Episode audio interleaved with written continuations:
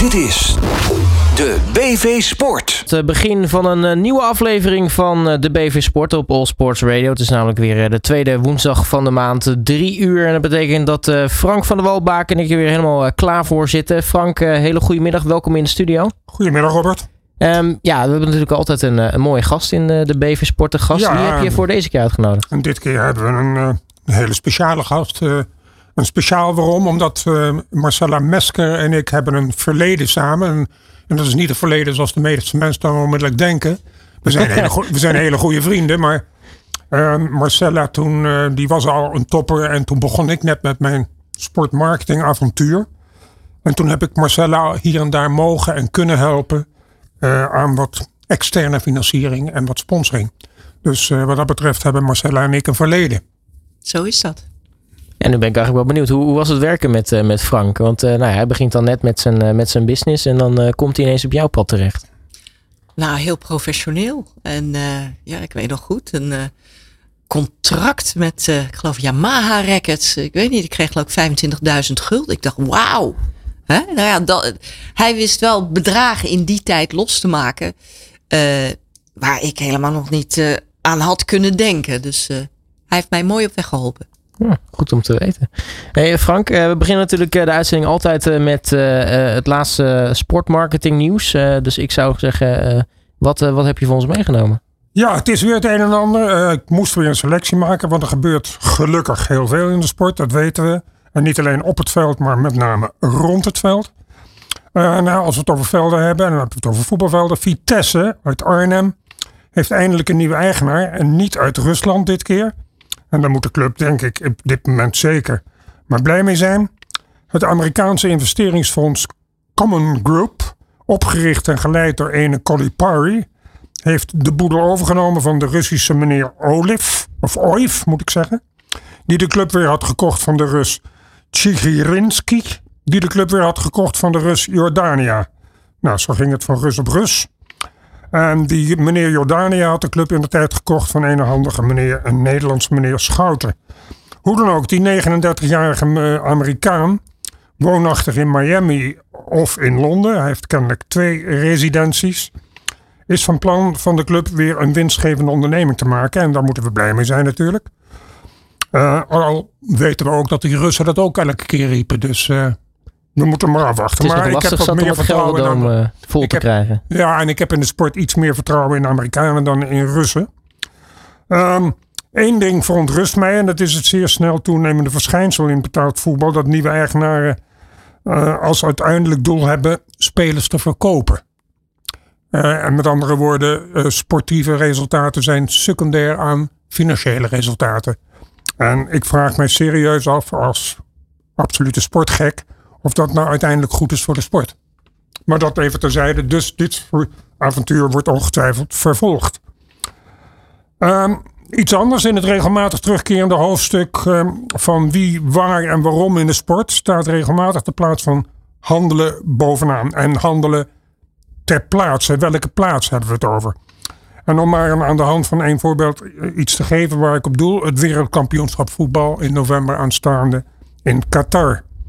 Daar kunnen we uren natuurlijk over discussiëren. En daar zal Marcella ongetwijfeld ook een mening over hebben. Wie heeft er geen mening over? Maar de uitkomst van de discussie zal altijd zijn: waarom in hemelsnaam in Qatar? Een land zonder enig voetbalverleden, zonder enig eigenlijk sportverleden. Nou, we kennen het korte, maar zeer krachtige antwoord. Het gaat hem om de poen. De ontwikkeling van de sport. We kennen inmiddels ook eh, de ambities van enkele landen, zoals Qatar, Dubai en Saudi-Arabië.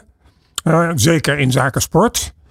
Eh, en in dit laatste land, Saudi-Arabië dus, zagen we al de Formule 1 in Jeddah. We zagen een supercup van La Liga voor 205 250 miljoen dollars plaatsvinden in Riyadh, de hoofdstad van Saudi-Arabië.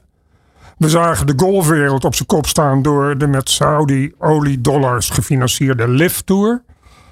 Met om en nabij een half miljard aan prijzengeld. Dus de geldstromen vliegen je om de oren. En als er één schap over de dam is, dan volgen er meer. Want zo willen alle sporten eigenlijk wel naar Saudi-Arabië luisteren op dit moment. En heeft de MotoGP ook besloten om Saudi-Arabië op te gaan nemen in de jaarlijks terugkerende kalender van races op, eh, in de MotoGP-klasse.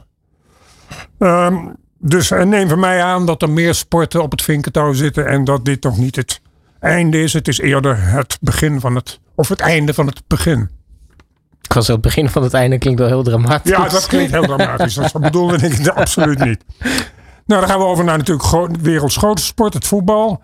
La Liga, de Spaanse ehm, competitie, heeft een grote slag gemaakt. De, de Spaanse voetbalcompetitie heeft een 15-jarige overeenkomst getekend met het in Dubai, ja daar heb je het weer, gevestigde Galaxy Racer. Want dat is een e-sports en game bedrijf. Nou, gaming in de sport en e-sports eh, is in toenemende mate belangrijk, Robert, dat weet je. Mhm. Ehm, en de doelstelling is de aantrekkingskracht van de liga te verhogen bij met name de jongere doelgroepen. Nou, de e-sports en de gaming-industrie zit natuurlijk met de doelgroep jeugd. Dus dat is op zichzelf een goed streven. Er is een joint venture opgericht waarin beide partijen op 50-50 basis participeren. Nou ja, Galaxy uiteraard met geld en La Liga met de content, het voetbal. Galaxy heeft, heeft meer dan 500 miljoen volgers en 2,5 miljard views per maand. Dus dat is geen kleine jongen. Dus ik, ik kan me de move van La Liga wel voorstellen. Eh, eh, maar de, ja, de vraag dient zich natuurlijk aan omdat het geld is uit Dubai. Wat is de uiteindelijke doelstelling ervan? Om waarschijnlijk toch ook La Liga daar weer wedstrijden te laten spelen. Vrees ik dan weer. Hoe dan ook, eh, de, twee partijen samen, de nieuwe venture, eh, die eh, heeft een verwachting uitgesproken dat ze in de komende 15 jaar een inkomen zullen genereren van minimaal 3 miljard euro's. Nieuwe geldbronnen allemaal die mijn overtuiging, die heb ik vaak genoeg geuit hier, bevestigen. Het plafond in de sport is nog lang niet bereikt. Enerzijds door de onrust in de wereld, waardoor de interesse en passie voor sport alleen nog maar toeneemt. Anderzijds door de technische, digitale ontwikkelingen in met name het medialandschap. Beide ontwikkelingen leiden nog meer tot, in, of tot nog meer interesse. Vanuit het bedrijfsleven met name, maar vanuit het bedrijfsleven omdat er meer interesse is vanuit de consument. En omdat er meer interesse is vanuit de consument, weer meer media-aandacht. En is het cirkeltje weer rond. Yep. Het is overigens niet alleen het mannenvoetbal eh, dat in de grote belangstelling staat. eh, van met name de media. Eh, de Spaanse Primera Division voor de vrouwen heeft een 35 miljoen euro global deal weten af te sluiten met de streamingdienst DAZN voor vijf jaar. De abonnees krijgen 240 wedstrijden per jaar live voorgeschoteld, waarvan er zeven van de acht per competitieronde exclusief bij DAZN. Dan iets geheel anders. Het is pas september.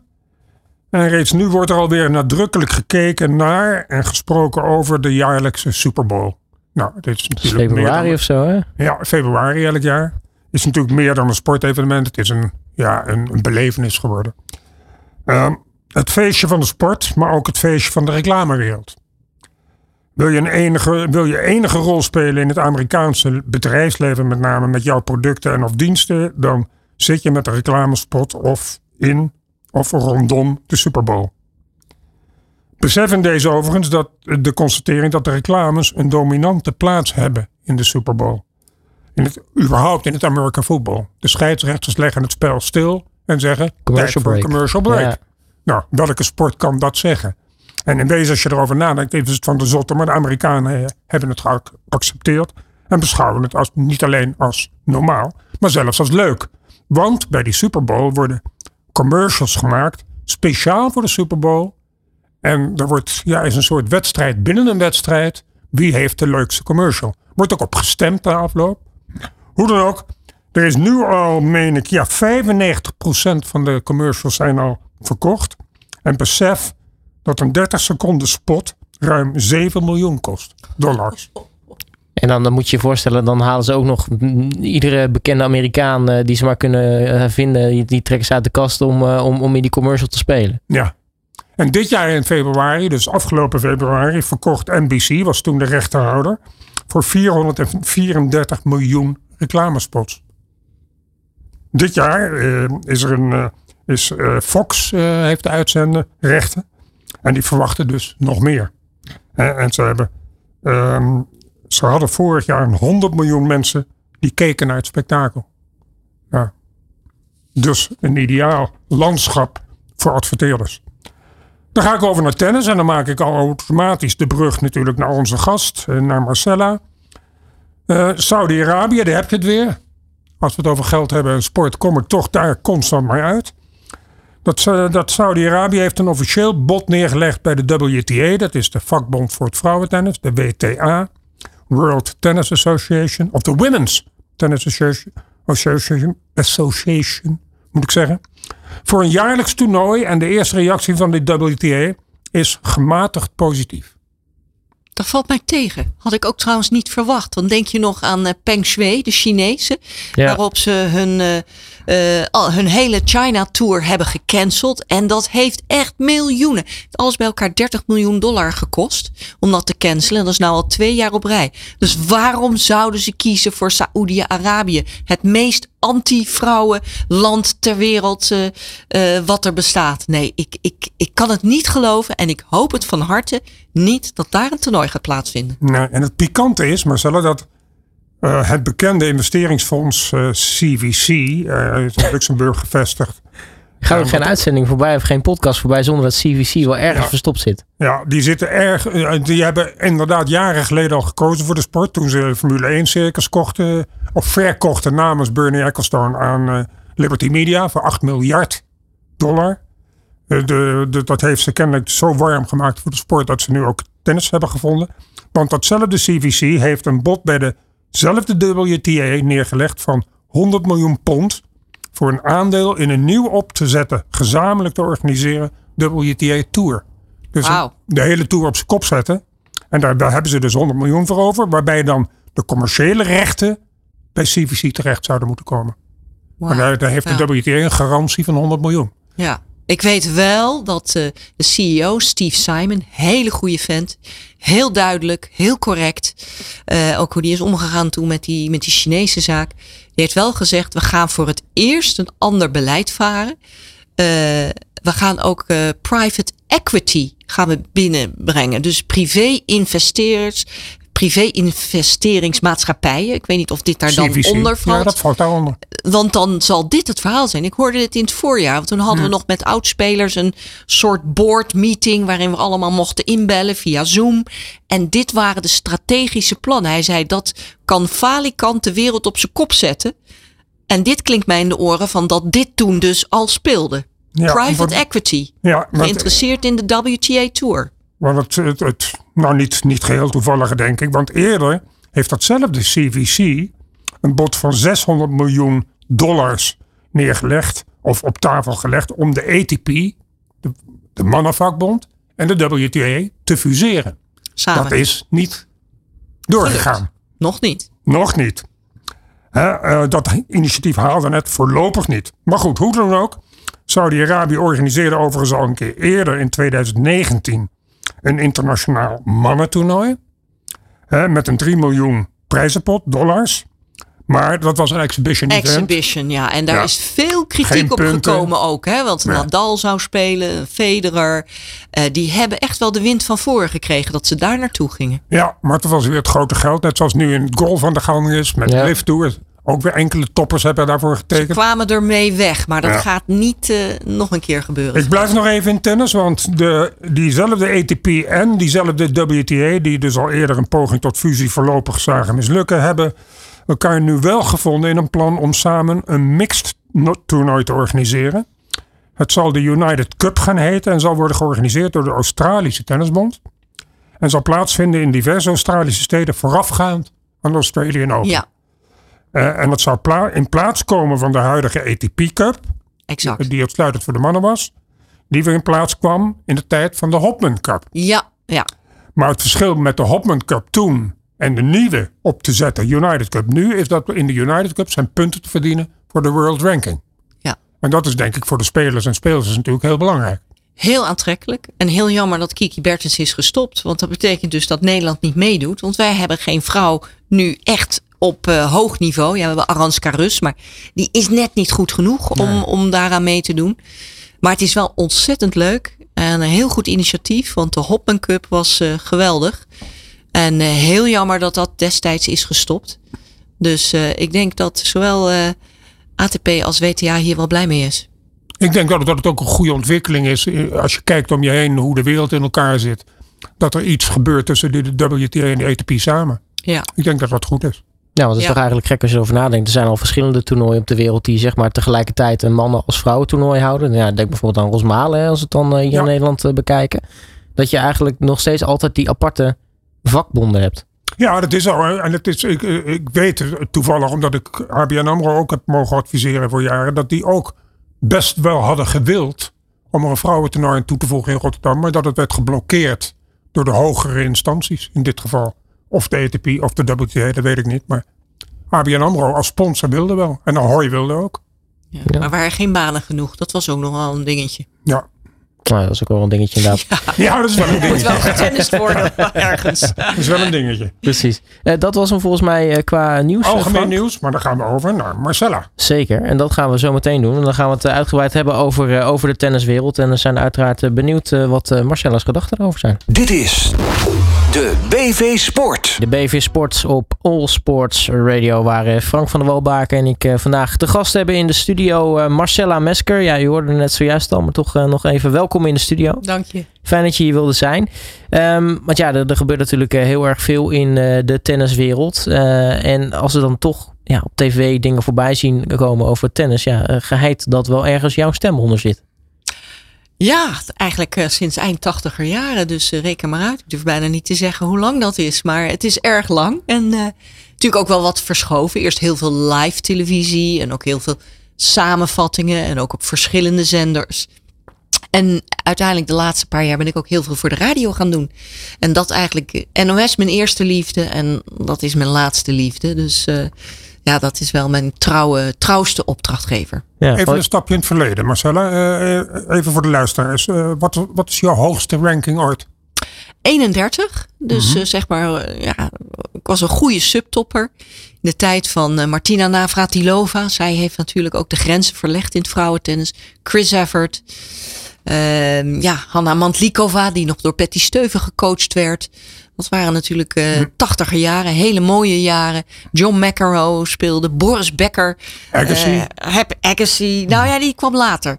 Maar ik heb nog met Becker in een tent gezeten in, in Beckenham toen het weer stortregende. Niet in een en dat was de, nee, nee, nee, nee, Nee. Dat was gewoon in de, de, de tent, de Players Lounge, backgammon spelen. En dat was een week voordat hij als 17-jarige Wimbledon won. Dus eh, ja, in, in mijn tijd. eh, Ja, maar Ja, dat, dat, jij, moet eh, toch een jij geweldige tijd een- zijn. Jij was een surf-volley speelster. hè? Ja, zoals, zoals heel vaak in Nederland. Wij zijn natuurlijk allemaal lang. En dat betekent dat je wel hard naar beneden kan serveren. En, en in Nederland hebben we ook de traditie dat we competitie spelen. Clubs zijn erg goed georganiseerd. Je speelt single, dubbel en mixed vaak op een, op een zondag of op een zaterdag. Tegenwoordig is dat allemaal weer gescheiden en wordt dat weer opgesplitst. Maar in mijn tijd drie partijen per dag, waarvan twee dubbelpartijen. Dus, dus je leerde heel goed verleren, je leerde goed retourneren. Eh, je had goed tactisch inzicht. Dus vandaar ook dat wij in, in, in, in Nederland altijd ook hele goede dubbelaars hebben gehad. Denk aan Jacco Helting, Paul Haarhuis, de beste ter wereld. Maar ook Tom Okker, Betty Steuven in hun tijd. Geweldig. Eh, Manon Bollegraaf, Tom Nijssen. Ehm, ik heb ook finale US Open gestaan in de dubbel. Ehm, ja, dus heel veel eh goede dubbelaars. En ja, dat komt door onze cultuur in Nederland. Ik, ik kan niet nalaten even iets te zeggen wat ik heel erg van jou geleerd heb. Veel van jou geleerd overigens. Oh, nou. Maar jij hebt mij geleerd, een, een uitspraak die zal ik nooit vergeten. Een, een, een service break is pas een break als je de volgende game ook wint. Klopt. Ja, ja. Want, en dat hou ik altijd bij me als ik naar tennis zit te kijken. Dan, dan is het inderdaad vaak zo dat na een service break word je zelf weer gebroken. Ja. Sorry. Ja, want eh, het is zo, de tegenstander doet er dan een schepje bovenop. Want die denkt, Ja. hey shit, ik sta nu achter. Oké, nou, ik zal je krijgen. En dan komt er eh, ja, weer een rebreak. En eh, ja, dan, dan heeft dus die break helemaal niets opgeschoten. En je wil dat gaatje van twee games maken. Dus dat wil zeggen, een break is pas een break als je daarna je eigen service houdt. Heb je ehm, uit jouw aanleg voor tennis, heb je gehaald wat eruit te halen was? Ehm, ik denk dat er eerlijk gezegd, eh, eh, ik zeg wel eens gekscherend, als ik mijn echte echtgenoot had leren kennen, Martin Boom. Hij komt uit Zweden.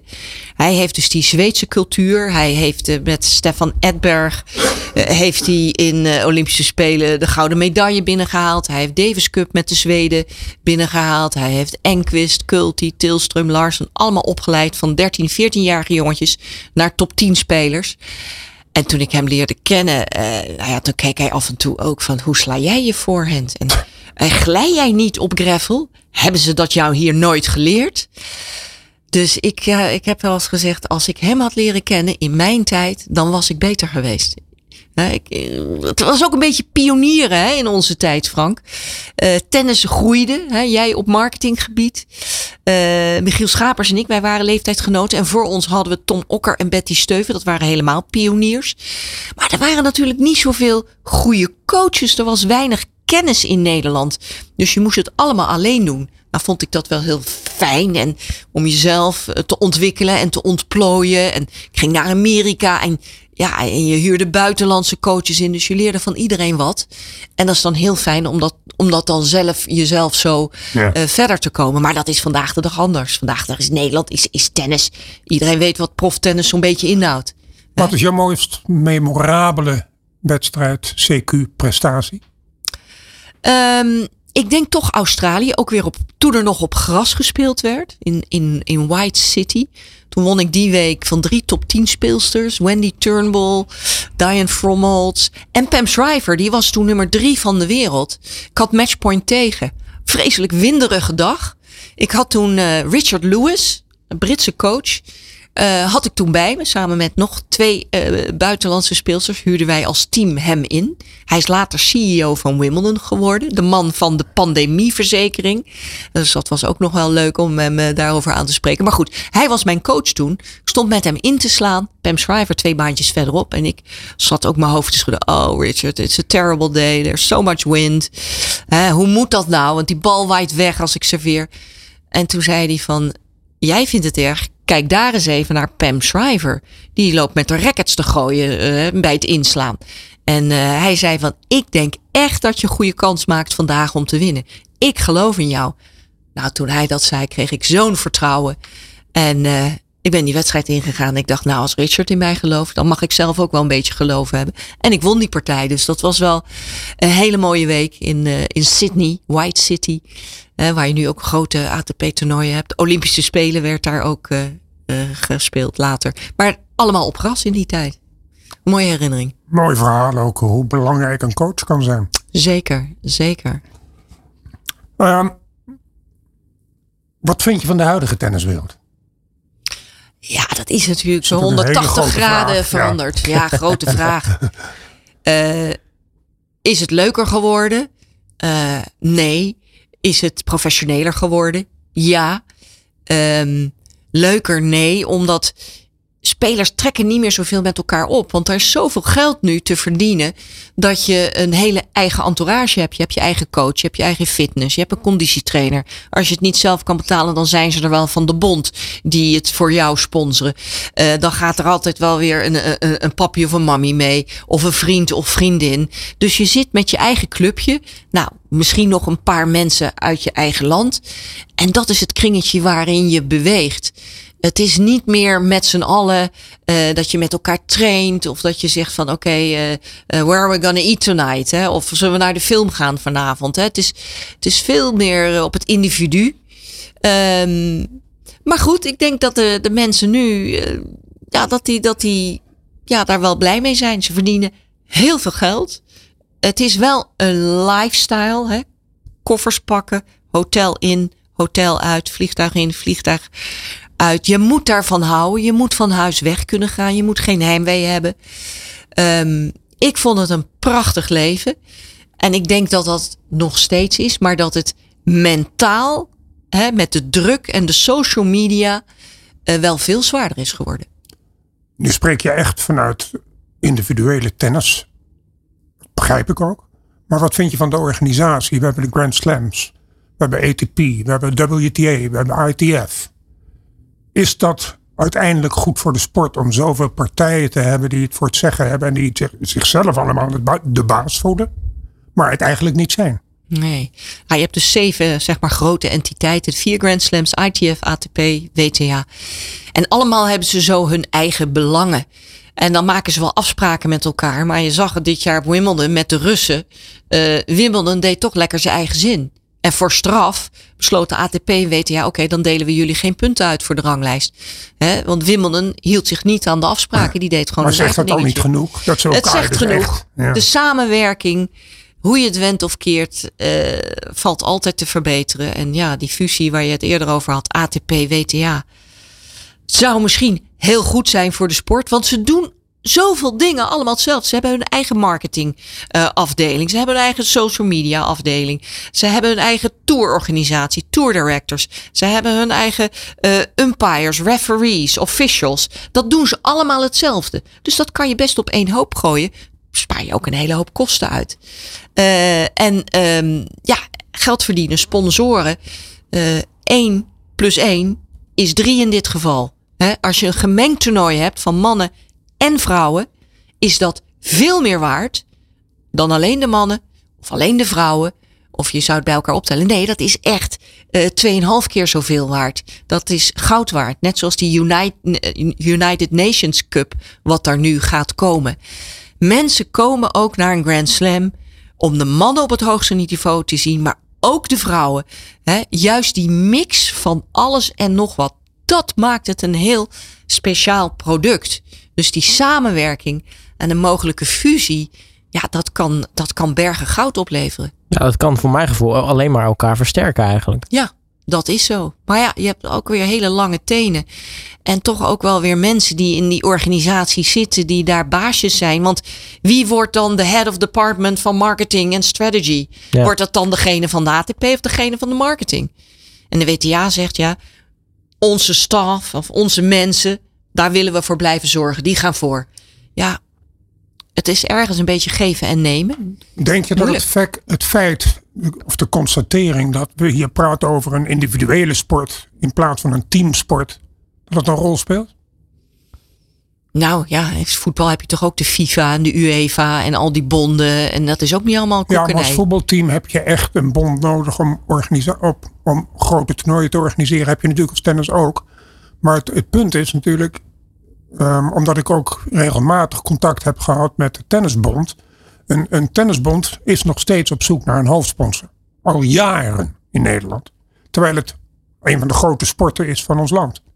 Waarom is dat zo? Omdat individuele spelers gauw, als ze enig succes hebben in de wereld, eigenlijk een eigen BV worden. Klopt, ja. en dan is ze, zijn ze niet meer in handen van of onder de paraplu van de bond. Dus de bond kan eigenlijk nauwelijks iets aanbieden. Nee, want, want ze hebben hun eigen sponsoren op de mouw staan. Twee sponsors. En dat kan dus conflicterend zijn. Hè? Dat kan een automerk zijn. Want bijna allemaal hebben ze een sponsor als automerk. Dus ja, dan valt de hele auto-industrie al af als, als, als hoofdsponsor. Banken bijvoorbeeld zijn ook grote sponsoren in tennis. Verzekeringbedrijven. Maar goed, eh, als je dan ook een privé-sponsor hebt. Hè, en je speelt dan voor je land. En uh, ja, je krijgt dan de een loopt met uh, Egon en de ander met uh, Nationale Nederland en die met ABN en die met uh, Brabo, dan wordt dat lastig. Wat vind jij van de ontwikkeling die achter de schermen met name, maar ook, ook hier en daar voor de schermen plaatsvindt? Is dat een individuele speler zegt als ik meedoe aan jouw toernooi, dan gaan de televisierechten ongetwijfeld omhoog. De kijkcijfers gaan omhoog. Ik wil meedelen in die televisierechten. Ik weet eerlijk gezegd niet precies hoe dat gaat. Als je Roger Federer heet, of Nadal of Djokovic, dan begrijp ik dat. die, die komen niet onder een miljoen. Ook niet als ze het ABN uh, AMRO Open mee, meedoen. Uh, dat is duidelijk. Um, je hebt natuurlijk de lokale speler, de Nederlandse spelers, die wil je in Rosmalen hebben bij het ABN AMRO toernooi. Dus die krijgen grote startgelden. Ja, dat is, dat is niet meer dan terecht. Die verkopen kaartjes. En ja, die wil je ook zien in eigen land, natuurlijk. Um, meedelen in televisiegelden, dat is alleen weggelegd voor de aller, allergrootste. En um, ja, daar kan ik me iets bij voorstellen, ja. Ja. Um, wat vind je van het huidige Nederlandse tennis?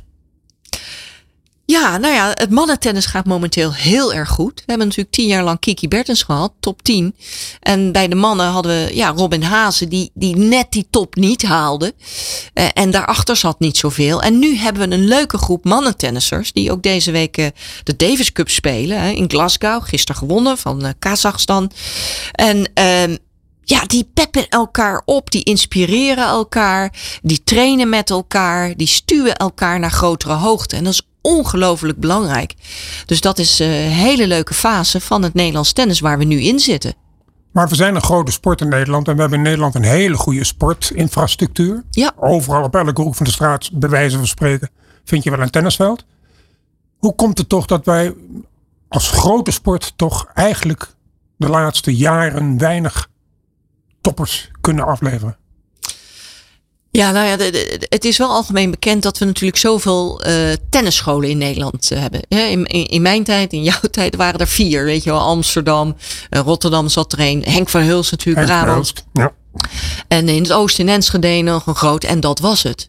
En nu heb je wel 250 tennisscholen. Iedere uh, ja, fatsoenlijke tennisleraar op een club die zegt: Ik richt mijn eigen tennisacademie hierop. Dus ieder talentje blijft ook. Uh, ja, krijg je versnippering. En dat helpt het niveau van de tennissers en van de talentjes niet. Die moeten met elkaar spelen. Dus het idee van een nationaal tenniscentrum is heel erg goed. Dat hebben we nu in Amsterdam, uh, in Amstelveen. NTC, Nationale Tenniscentrum. En ja, dat is een fantastisch. Binnenbanen, buitenbanen, fitness, uh, het KNLTB kantoor zit er. En dat is ook de reden dat die jongens nu allemaal zo goed spelen. Want dat, die zijn al vijf jaar daar met elkaar aan het trainen. Bij de meisjes zie je dat minder. Want dat is toch altijd, willen we wel met elkaar trainen. Um, ja, en als je in Brabant of in Limburg woont, of in Arnhem, ja, dan is het ook best wel ver weg om naar Amsterdam te gaan. Uh, om daar te trainen, dan moet je ergens in huis, bij een adoptiegezin of in een hotel. En uh, heel veel uh, ja, talentjes hebben dat er niet voor over. Of hun ouders niet. Die zeggen, nou blijf maar lekker hier. Of de files zijn te lang. Um, dus wil je goed worden in tennis, dan moet je er ongelooflijk veel voor over hebben als je jong bent. Je moet van huis kunnen gaan, je moet iedere dag trainen. Maar ook met onderling de grootste talenten in het land. En dat gebeurt niet. Hm. Is Kiki te vroeg gestopt? Nou, toevallig deze week uh, over mental health met haar een hele podcast en video gemaakt. En als je toch hoort hoe zij mentaal heeft geleden. Hè, het lifestyle leven van tennis en het presteren en de druk en daarmee omgaan. Dat is echt wel heel veel voor haar geweest. Zij kon dat eigenlijk niet aan en ze wilde ook niet verder meer. Dus dan zeg ik, voor haar was het goed om te stoppen. Alleen ja, vandaag de dag, als je nog geen dertig bent en je stopt met tennis, dat is wel heel vroeg. Maar goed, ze is niet de enige. Hè? Ash Barty ook. En er zijn er meer uh, voor wie het uh, toch wel een heel, heel zwaar leven is. Juist omdat je alles in je eentje doet. Zou jij nooit iets willen doen in de opleiding? Nee, want ik heb dus een echtgenoot. Dat is een hele goede coach. En ik heb gezien hoe hij het doet. En dat zou ik zeker niet kunnen, kunnen doen. Uh, je hebt er natuurlijk wel verstand van en je weet hoe het moet. Maar het is toch heel anders uh, aan de andere kant van het net te staan. Hè? Als, uh, als tennisser wordt alles voor je geregeld en ineens. Ja, het is ook wel iets van je moet jezelf weer helemaal wegcijferen om iemand anders het vertrouwen te geven. Daar moet je ook wel een bepaald uh, vingerspitsengevoel voor hebben. En dat is niet iedereen gegeven. Nee, zeker niet. Ik wil nu twee uh, best wel voor de tenniswereld delicate onderwerpen met je aanboren. Eerst in eerste plaats, um, niemand zal het ontkennen, en jij zeker niet, dat tennis bij uitstek een geschikte televisiesport is. Zeker, ja. Het is makkelijk in beeld te brengen en het is heel goed te volgen. Waarom die stupide puntentelling? Elke producer, elke regisseur van televisie in de wereld heeft nachtmerries van tennis, omdat ze niet weten hoe lang een partij kan duren. Dus ze kunnen niet programmeren. Dus waarom is de ITF of de WTA of de ATP niet zo, niet zo verstandig om nou eens te zeggen: een tennispartij duurt maximaal x minuten. En maak er een normale puntentelling van. Of is de traditie zo belangrijk dat dat in stand wordt gehouden? Want als ik dit soort of dit onderwerp aanboor ergens bij hogere machten, Dan krijg ik het al, altijd het antwoord: kijk eens hoe populair we zijn. Maar dat is voor mij geen reden. Want het had misschien nog wel veel populairder kunnen zijn. Ja. Nou ja, twee dingen. Allereerst, tennis is een hele goede televisiesport, ben ik met je eens. Het levert content op voor abonneezenders. Voor sportzenders. Niet meer voor de grote uh, nationale zenders zoals de NOS of, of in Duitsland de ZDF of WDF of de BBC. Nou, BBC doet eigenlijk alleen Wimbledon. Omdat het te lang duurt en het is niet meer te programmeren. Maar het is geweldige content uh, voor een tennis channel, voor internetzenders, uh, voor de ATP Tennis TV, voor Ziggo Sport, voor Eurosport 1, voor Eurosport 2, Tennis Channel, Amerika, ESPN geweldige content. Juist omdat het zo lang duurt. En die gaan gewoon van bal 1 naar de laatste bal door. Dus uh, de nationale zenders die zijn daarvan afgestapt. Omdat het niet programmeerbaar is. Dat begrijp ik. En alleen ja, als een Nederlander in een Grand Slam finale. Ja, dan wordt alles voorbijgezet. Logisch.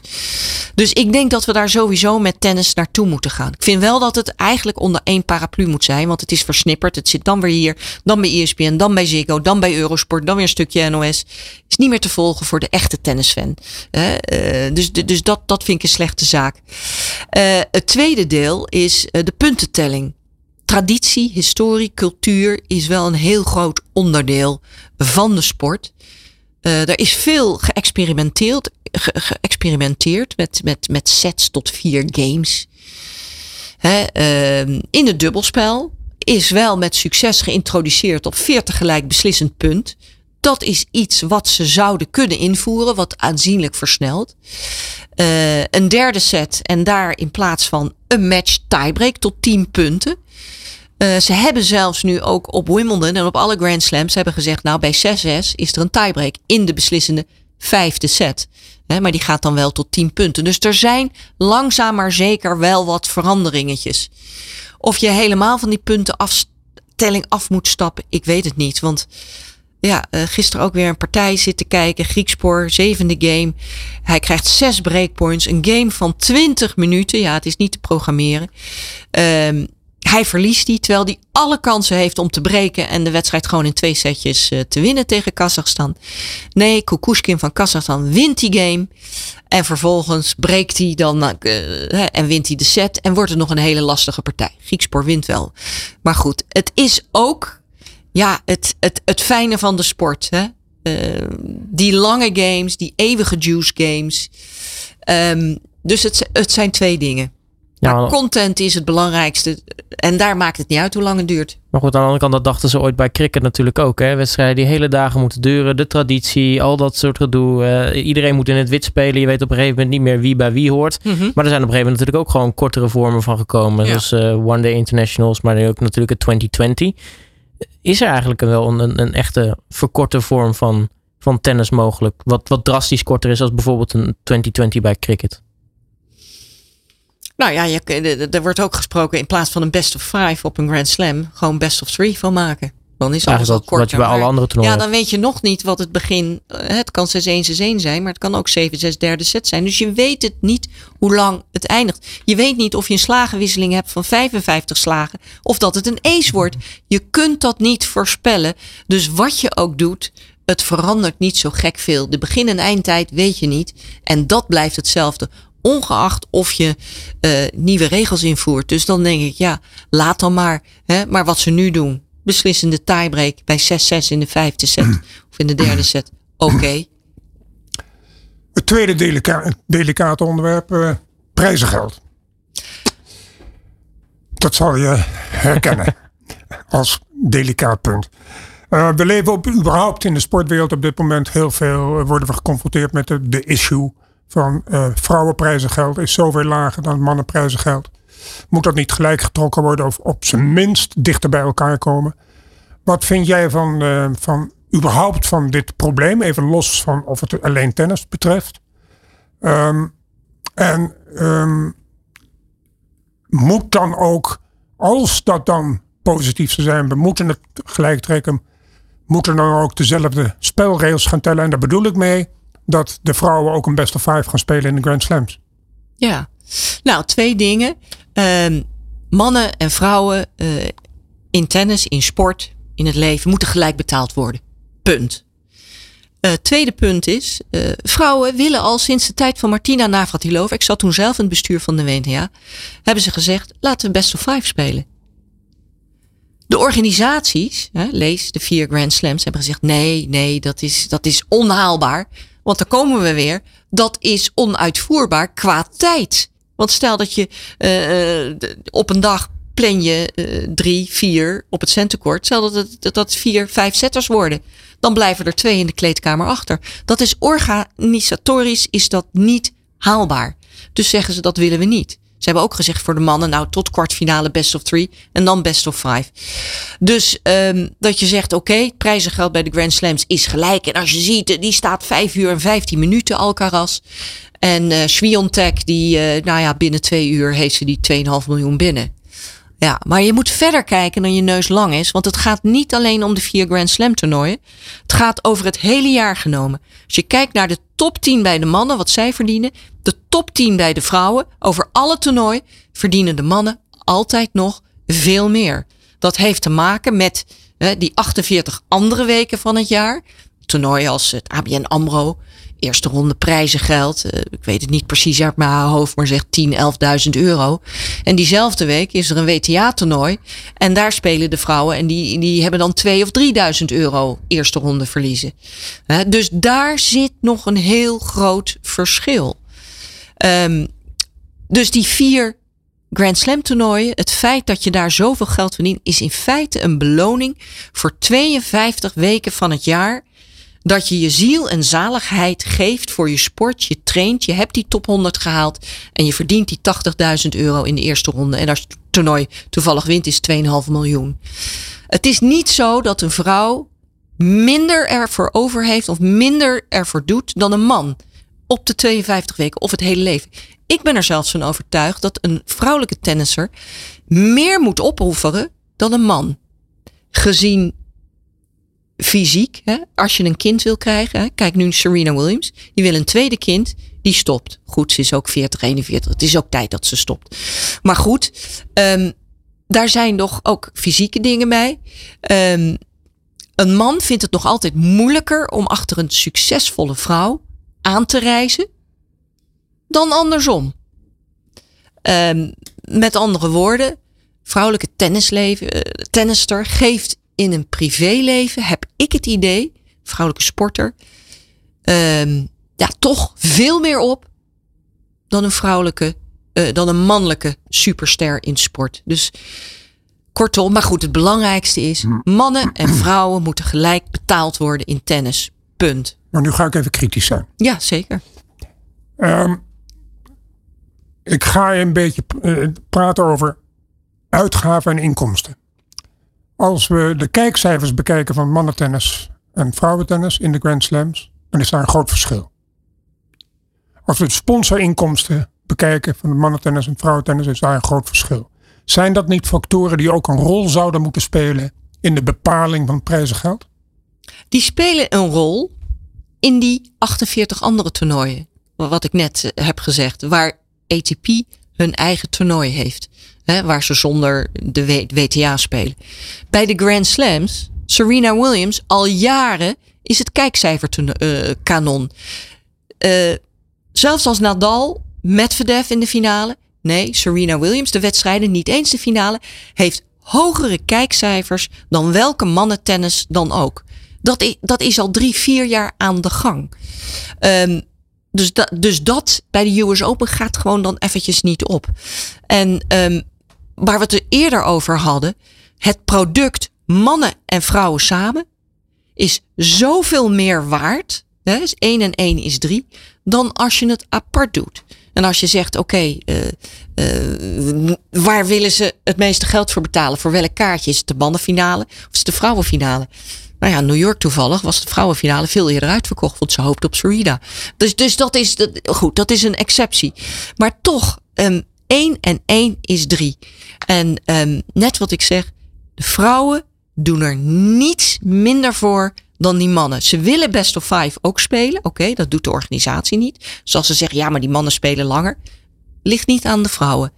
Dus ja, als je het, het, hetzelfde werk levert, ja, dan vind ik dat je gelijk mag worden betaald. En als we het over de commercie hebben, gaat het vrouwentennis Serena niet, niet missen? Ja, tuurlijk. Eh, Ja. eh, is Serena niet het bewijs dat er wellicht iets anders nog nodig is voor het vrouwentennis? Wat meer glamour, wat meer... Een nieuwe ster. Ja, en we hebben nu Iga Swiatek, die ontzettend goed is, maar niet de X-factor heeft. Maar ik zeg er nadrukkelijk bij nog niet, want ze is pas, wat is ze, 20? Ja, en wat vind je van het Engelse meisje, Emma? Raducanu. Ja, Nou ja, daar, een jaar Ze- geleden ze vond ik haar. fantastisch gepro- Ja, gepresteerd. een en jaar geleden is ze- vond ik haar geweldig. Ja. En nu heb ik een beetje mijn buikhaar van vol. Want eh, ik hoor hoeveel coaches ze. Ze heeft in één jaar denk ik tien coaches versleten. En de, en de man met wie ze de US Open won, die, die werd er na drie weken al uitgedonderd. Dus ja, als je dat soort dingen Mhm. eh, doet, ja, dan, dan word je daar niet, niet beter van. Ik wil toch ook nog even aan padel. Ja, Wat vind je van padel? ik begin het leuker te vinden, laat ik dat zeggen. In het begin dacht ik, eh, ja, jeetje. Hè? Ehm, ik denk dat het nooit zo groot kan worden als tennis. En waarom niet? Omdat de iconen in tennis altijd groter zullen zijn dan in de padelsport. Ehm, het is wel een sport voor jongere mensen. Je ziet dat tennis als fan toch wel een hele vergrijzing optreedt. De tennisfan. Ehm, en eh padel is een sport die de jongere generatie graag beoefent. Dus ik zie wel het succes. Ik hoop alleen niet dat het net zoals ooit met squash was. Een enorme hype. Want ik, ik kom net uit Zweden, je weet, bij Zweedse Link.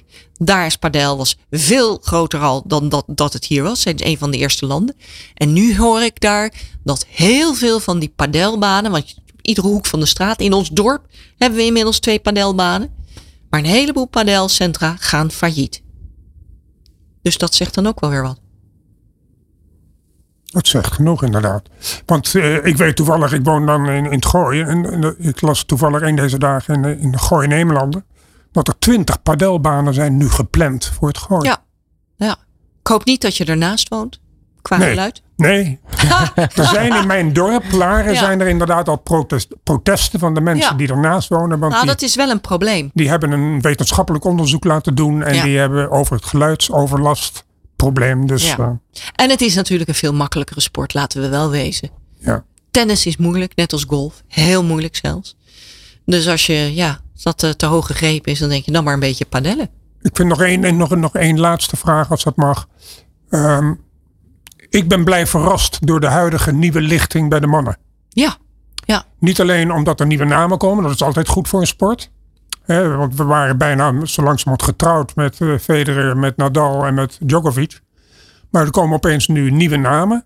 Hè, en Alcaraz en Ruud en, en Tiafoe en Sinner, noem ze maar op. En, maar met mijn beperkte kennis van tennis vind ik ook dat die nieuwe generatie, seizoen noem ik ze dan maar even, op een andere manier speelt. Agressiever. Ze durven meer, lijkt wel. Ja. Zie ik dat verkeerd of beter? nee, dat klopt. Flair, heel veel flair, heel veel agressiviteit. En fysiek natuurlijk ontzettend goed. Maar ja, dat, dat, dat is er van jongs af aan ingepeperd. Alcaraz is een tennisfenomeen. Die kan mega veel Grand Slams winnen. Maar nogmaals, houdt hij het mentaal vol? We hebben zoveel voorbeelden voor Tiger Woods met zijn seksverslaving. Ehm, nou ja, eh, Boris Becker in het gevang. Eh, heel veel eh, mannelijke supersterren kunnen toch vaak de wilde niet ge- dragen. Dus kijken hoe het daarmee gaat. Hoe ze met het grote geld en het succes en de celebrity status omgaan. En daarnaast, hoe houdt het lichaam zich? Raken ze geblesseerd? Hoe lang houden ze het vol? Dat is natuurlijk ook eh, wel een eh, fenomeen nu. Wat eh, ja, belangrijk is voor de toekomst. Eigenlijk wilde ik ook nog een hele interessante laatste vraag stellen. Maar we zitten een beetje met de tijd. Maar Ja, we, we, zijn, we zijn het er allemaal over eens. 1 en 1 is 3. Dat het vrouwentennis en mannentennis samen veel meer van waarde is dan, dan, dan die twee aparte. Dat, dat, dat kunnen we allemaal eh nou ja, over eens zijn. Maar wat moet in jouw ogen nou gebeuren voordat dat werkelijkheid gaat worden? Want eh, ja, iedereen heeft het idee van, nou, het zou wel eens kunnen, maar die twee entiteiten willen niet. Wat, wat moet er gebeuren om die twee wel samen te kunnen voegen? Nou, ik denk dat eh, Roger Federer over niet al te lange tijd stopt met tennis. Eh, hij, hij heeft zich daar positief al over uitgelaten. Als hij zich daar nou eens hard voor gaat maken, dan heb je kans dat het gebeurt. Want dat soort iconen heb je nodig om daadwerkelijk tot resultaten komen. En dus ook bij deze fusie. Maar denk jij echt dat Roger nog terugkomt überhaupt? Of? Nee, ik zeg hij gaat binnen nu een. een ja, maar een komt hij überhaupt nog op de baan? Nou ja, de leverkop zit eraan te komen. Basel. Ik denk dat hij in Basel afscheid gaat nemen. Ik heb toch weer begrepen dat die knie nog steeds niet helemaal goed is. Er zit vocht in de knie. We gaan het over, nou ja, eh, vier tot zes weken weten we of hij nog weer op de baan komt te staan. Eh, hij houdt van de sport. Hij wil terugkomen. Dus je hebt kans. Maar goed, verliezen is nooit leuk. Ook niet voor Roger Federer. Nee, en en vertrekken op het hoogtepunt. en hij, hij gaat het niveau gewoon niet meer halen. Nee. Dat kan niet. Wij zou- vertrekken ook op het hoogtepunt. Precies, laten we dat doen. Eh eh, Marcella Mesker, mag ik je hartelijk danken voor je komst naar de studio en eh, de mooie inzichten in het eh, tennis. Eh, Frank, jij natuurlijk ook weer bedankt voor eh, alle interessante vragen en kennis natuurlijk. Eh, volgende maand zijn we natuurlijk weer met de BV Sport. Heb je al een eh, interessante gast weer op het oog? Nee, ik heb nog niet iemand vastgelegd. Ik heb er wel wat op het oog, maar dat Aha. vertel ik nog even niet. Oh, Koning. Kijk, dan weten we dat ook. dat wordt dus nog afwachten voor volgende maand. Eh, dit was dus de BV Sport. Eh, mocht je iets gemist hebben van vandaag, dat zou zomaar kunnen in de loop van de middag online terug te vinden via de website allsportsradio.nl of natuurlijk via de social media Facebook, Twitter, Instagram of via de podcastkanalen. Daar kun je ook eh, alle andere afleveringen van de BV Sport terugvinden of natuurlijk alle andere programma's die we maken op Allsports Radio. En dat kan via soundcloud.com of check het op Spotify, Apple Podcasts, Google Podcasts, Duke en TuneIn. En dan zijn we er volgende maand weer met een nieuwe aflevering de BV Sport. Tot dan. Dag. Dit is de BV Sport.